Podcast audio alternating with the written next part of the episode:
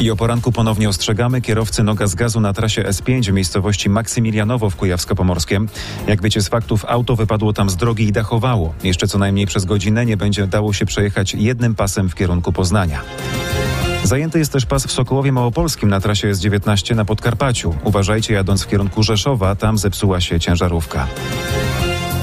Hezbollah, czyli bojownicy wspierani przez Iran, ponownie stał się celem Izraela. Armia ostrzelała pozycje na południu Libanu. Według wojskowych źródeł zniszczono dwa cele oraz, jak czytamy, pewną liczbę bojowników. Niemiecka agencja DPA podkreśla, że tej informacji nie potwierdziły jak dotąd niezależne źródła. Kilkadziesiąt osób blokowało wczoraj rondo u zbiegu ulic Tomaszowskiej i Jędrzejowskiej w Łodzi. Mieszkańcy osiedla Wiskitno domagali się inwestycji.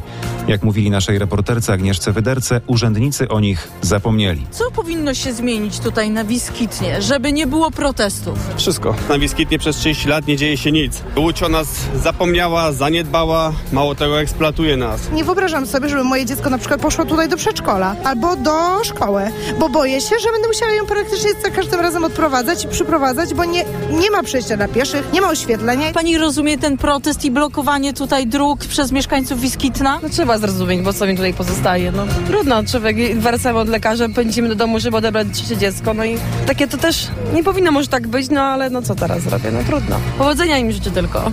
Na łódzkim osiedlu mieszka około 3000 osób. To były fakty o 6.30. Za pół godziny spotka się z Wami Agnieszka Pietrzak. Życząc dobrego weekendu, mówię do usłyszenia.